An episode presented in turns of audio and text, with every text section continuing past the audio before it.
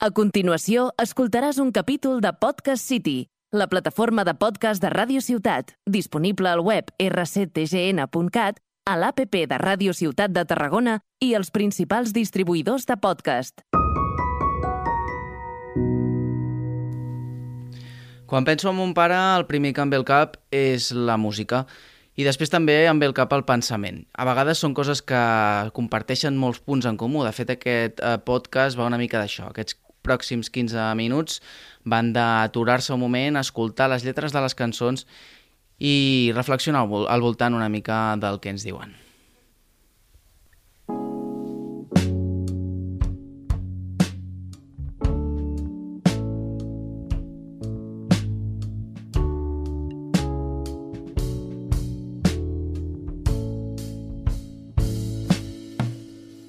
Say what's wrong my longtime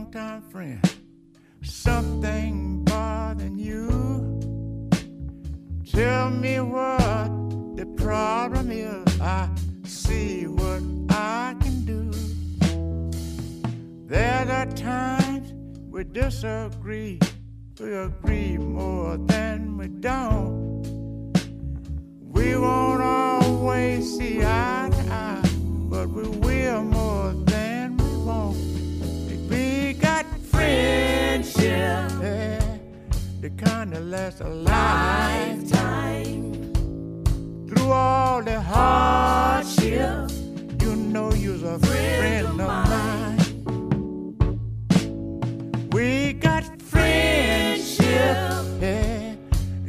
That lasts a lifetime. Through all the hardship, you use a friend of mine. If you're on the street, I'll take you in. If you're hungry, I'll give you food. If it's money you need, I got some say. If you're sick, I'll visit you. Been where you are right now. You saw me through it all. I lean on you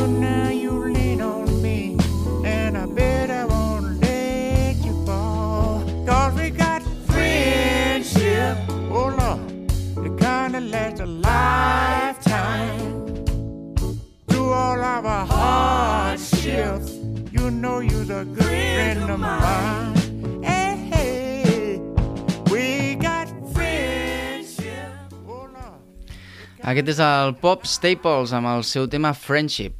Quin bon rotllo, eh? Quin bon clima per començar el podcast d'avui que justament parla d'això, de friendship, d'amistats, d'amistats i també de relacions. El que ens diu una mica el Pop Staples en aquesta cançó, la lletra no és cap meravella, però bueno, il·lustra una mica el que és una amistat d'aquelles de tota la vida, allò que tens un amic que li pots demanar el que sigui, no? Típic que et ve un amic, eh Joan, tio, que, que no tinc un duro, tio. Tranqui, tranqui, tio, que jo t'acullo a casa meva, bueno, et dono sopa, el que vulguis, tio. Eh Joan, tio, que, que, que estic malalt, tio, que estic malalt, que m'estic morint. No pateixis, tio, no pateixis que vinga a fer-te companyia a l'hospital, al tanatori, on sigui, col·lega. Eh, Joan, tio, que, que si els Mossos pregunten, jo divendres al vespre estava a casa teva, vale?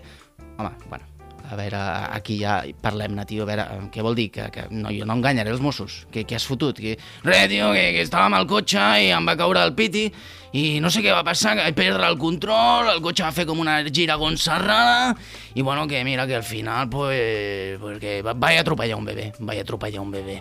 Què dius? Però, però, però què dius, animal? Què vol dir que vas atropellar un bebè? Però, però què has fotut? Però, però, però el bebè està bé? Sí, bueno, només li van haver de fer un transplantament de tot el cos. Com del cos? De tot? Sí, sí, el fan ara, el fan, bueno, tot el cos, te'l transplanten i ho fan molt, ho fan molt. A la, a la Vall d'Hebron tenen, tenen ja el cul pelat d'això, ho tenen molt per la mà. Mare de Déu, senyor. Però, però aquest bebè anava sol. No, no, que va, anava amb son pare. Anava amb son pare, però en ell ni, ni el vaig tocar, eh? Què vol dir que no? Però que, que vas enganxar només al cotxet o, o... No, no, si el portava al coll, eh? Al coll el portava el bebè. I com ho vas fotre per atropellar? És que, és que, és que no vull. No, és que planning i plovia... No, mira, és que no, és que no vull saber res. No vull saber res més d'aquesta merda d'anècdota. No enganyaré els Mossos per tu, tio. Tu què et penses que és això? Som amics, vale, tio, però, però, però joder, tot té un límit, no? I aquesta és una mica la primera la primera lliçó del podcast d'avui. Les amistats tenen límits. Tenen límits, cada amistat varia, perquè doncs, no tens la mateixa relació amb un col·lega de tota la vida que amb el teu jefe. Amb el teu jefe no diràs, eh, què passa, putilla? No, tio, un, un col·lega pues, que tens una certa confiança, potser sí que li soltes una cosa d'aquestes, o a la teva àvia, no? Eh, iaia, què passa, putilla? Pues sí, joder, una relació àvia-net de tota la vida, com Déu mana. Però, però més enllà d'això, home, s'ha d'anar en compte. Totes les amistats tenen límits. Aquest seria el titular. Us haig de confessar, abans de parlar, entrar en matèria, una cosa que potser us sorprendrà. Jo tot el tema de les relacions socials, de fer amics i tal, em costa, em costa una mica, la interacció social més absurda per mi, la més mundana, la cosa més xorra, és tot un repte, és tot una epopeia. Per exemple, la típica situació 9 del matí, surts de la porta de casa, piques a l'ascensor, s'obren les portes de l'ascensor i apareixen allà tots els putos veïns de l'escala, que no sé com s'han fotut allà dins tots, mare de Déu. Puja, puja, home, puja, puja, ja veurà, ja veurà, puja, xaval, ja veurà, que hi cabem tots, que hi cabem tots. No, no, ja m'espero. No, puja, home, puja, puja, tio, puja, ja veuràs. No, que ja m'espero, que baixaré per l'escala. No, puja, puja, que hi cabem tots, ja veuràs, ja veuràs. Ja veuràs el què, collons? Però si és una puta ascensor, què he de veure? Què he de veure? Però si és un ascensor, puja i baixa, ja està. Puja, puja, que no, collons, tia. Deixa'm estar el braç, deixa'm estar el braç, deixa'm estar, que no necessito a ningú. Hòstia puta. I bueno, clar, amb aquest panorama fer amics és complicat. Fer amics és complicat per mi. A vegades el símil que faig servir jo en aquests casos és que fer amics per mi és com fer caca a la Renfe, ¿vale? Eh, és una cosa que de primeres no agrada, però joder, de vegades s'ha de fer, no queda, no queda una altra. I també t'he de dir que quan més ho fas, menys costa. És a dir, el primer cop que fas caca la Renfe, per exemple, pues, pues, hòstia, què diran, no, tal, segur que després ve un i ho ensuma i em jutgen. Jo he arribat a un punt que, de tan còmode que estic per això, després de fer-ho tant, és com una espècie d'entrenament, jo he arribat a un punt que és com estar per casa. Eh? Jo, de fet, últimament el que faig és cagar a la Renfe amb la porta oberta, només em falten les sabatilles, la penya flipa, molts ja em coneixen, en plan, eh, què passa, machote? Eh. I bueno, eh, la veritat és que, és que és una situació bastant pintoresca, però cony, mm, per què no? Per què no? Mm, Fem-ho. L'altre dia, per exemple, va entrar una, una paia, una senyora, a rentar-se les mans mentre jo estava fent caca allà al lavabo de la Renfe, ¿vale? També et diré en la seva defensa que la, la senyora era, era cega, jo no li vaig voler arruïnar massa l'experiència ni arruïnar-li el dia i vaig quedar-me allà pues, fent caca tranquil·lament, sense fer soroll, tot de bon rotllo, tot anava com una seda i de sobte apareix un segurata, un segurata que no era l'Antonio, de, tota el, bueno, de tota la vida de la Renfe, l'Antonio. L'Antonio cada vegada que passava ja em veia fent caca allà, eh, què passa, Joan, un altre cop aquí, sí, de puta madre, tu. Bueno, i va passar un que era nou, clar, va veure aquella escena, es va quedar una mica... Hòstia, es va quedar blanc el tio, es va quedar blanc, i a més a més anava amb un pastor alemany d'aquests, el puto gos es va tornar boig, no sé què li va, no sé què li va agafar, jo crec que va intuir que aquella situació normal, normal no era, vale? va començar a bordar, bordar, bordar, la cega es va agobiar, va sortir del lavabo cagant llets, es va deixar el bastó al costat de la pica, clar, no tenia referència, no tenia referència, van sopegar amb un esglaó, van a picar amb un agafadero d'aquests de la Renfe, bueno, la cega per terra, amb el cap obert com un meló, i clar, un drama, la gent, què ha passat, què ha passat? De cop el segurata, que es veu que era superaprensiu, va veure la sang, es va desmaiar, el gos va quedar lliure, va saltar damunt la cega, li va començar a mossegar el cul, la cega defensant-se, bueno, un follon, van haver de parar el tren i tot, eh? Un drama, un drama. I, I, bueno, el més graciós de tot és que al final el gos no bordava per la estranyesa de la situació, sinó perquè la punyetera cega tenia el bolso farcit de marihuana, la desgraciada. Anda que no se la sabia llarga la cega. Bueno, clar, després d'aquest episodi doncs, m'he traumat. No he pogut tornar a fer caca a la Renfe en la vida, no? Ho he intentat alguna vegada, ho he intentat, començo a apretar, apretar, però d'allà no surt res i al moment se m'apareix la cega al costat, com una espècie d'espectre, se m'apareix la cega amb el cap obert com una magrana, amb els ulls en blanc, i de sobte em diu «La teva femta és la meva condemna, fill de puta!» El gos bordant a l'altra banda, traient espuma per la boca amb els ulls injectats en sang, i a vegades no em preguntis per què també apareix el, el segurata, el segurata que es va desmaiar, doncs apareix a un cantó fent-se una palla, fent-se una palla, no sé, és una, una cosa de la meva ment, aquí ha introduït aquest element a l'equació, com un divertimento del meu subconscient que dius, hòstia, això què ve? Doncs pues mira, ve a que, mira, la ment a vegades en juga triquinyueles d'aquestes, vale? Total, uns problemes terribles per anar de ventre i clar, això s'ha fet extensiu a casa. Vull dir, a casa ara també, després d'aquest episodi, doncs em costa moltíssim anar al lavabo i, i vaig haver d'anar a un digestòleg. Un digestòleg, per si no ho sabeu, és el metge de tot allò relacionat amb la merda, ¿vale? es veu que, bueno, al MIR es maten, es maten per, per aquestes places, van superbuscades, eh? No sé quin fetitxe raro tenen els putos metges, però bueno, jo un, un dia en parlarem dels metges, perquè és un col·lectiu que, que dona per un programa de com estem donant bisturís i coses que punxen a, a una gent que, que, bueno, que mira, no em facis parlar, no em facis parlar perquè, perquè bueno, la tindrem.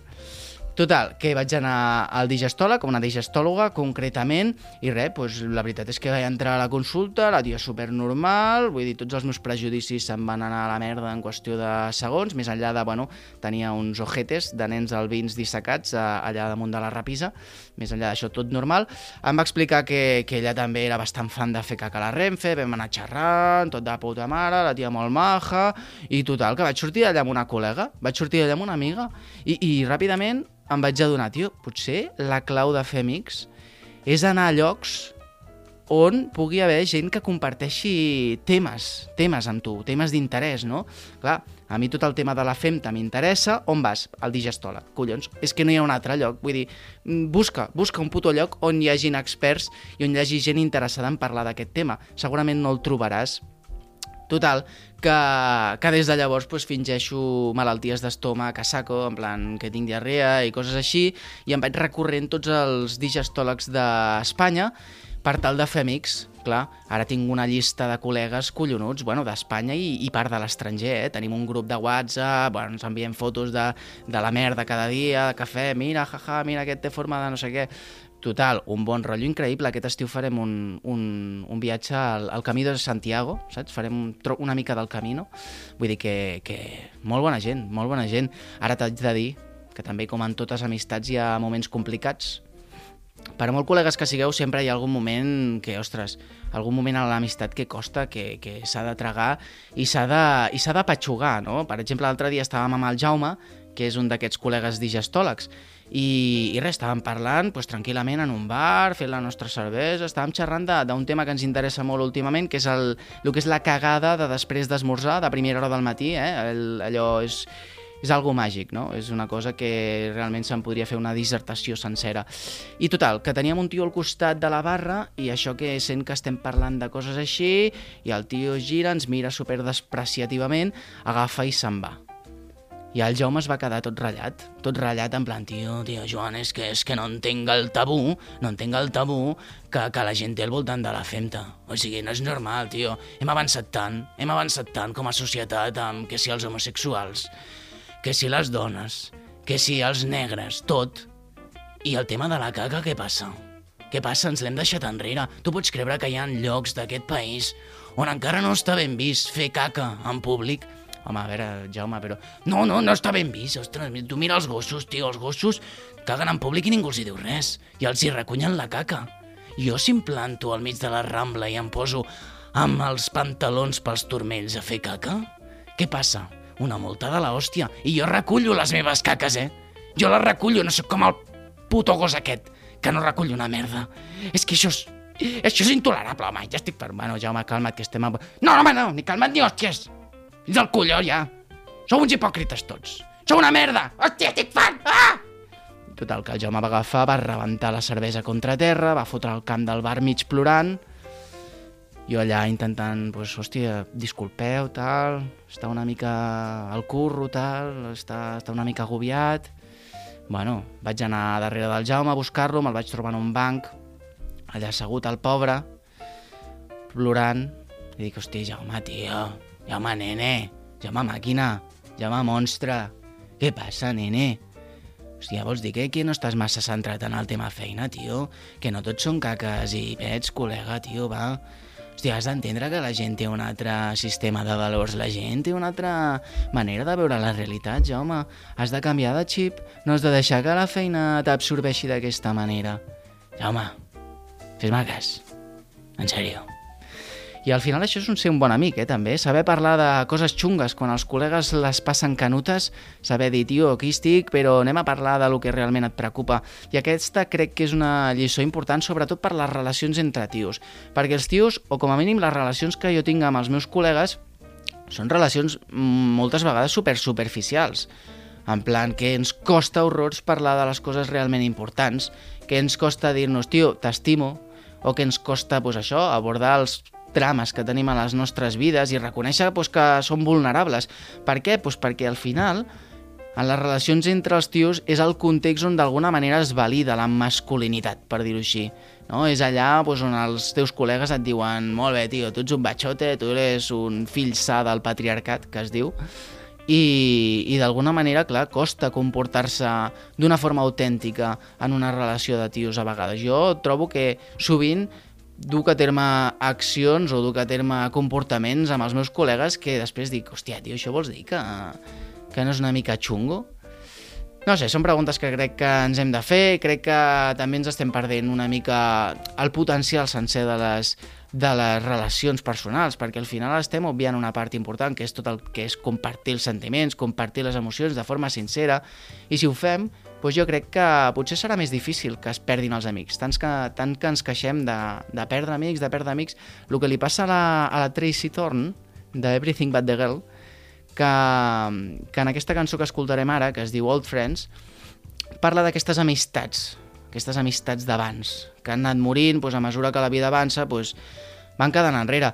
El temps no perdona, diu la Tracy, i a vegades no està de més girar-se i recordar aquests amics aquests amics i amigues que han anat quedant pel camí també prendre consciència una mica de, bueno, del paper que han jugat al final a les nostres vides i en el nostre desenvolupament personal. Vale? En fi, espero que us hagi agradat aquesta sarta de reflexions. Us deixo amb Everything But The Girl i el seu tema All Friends.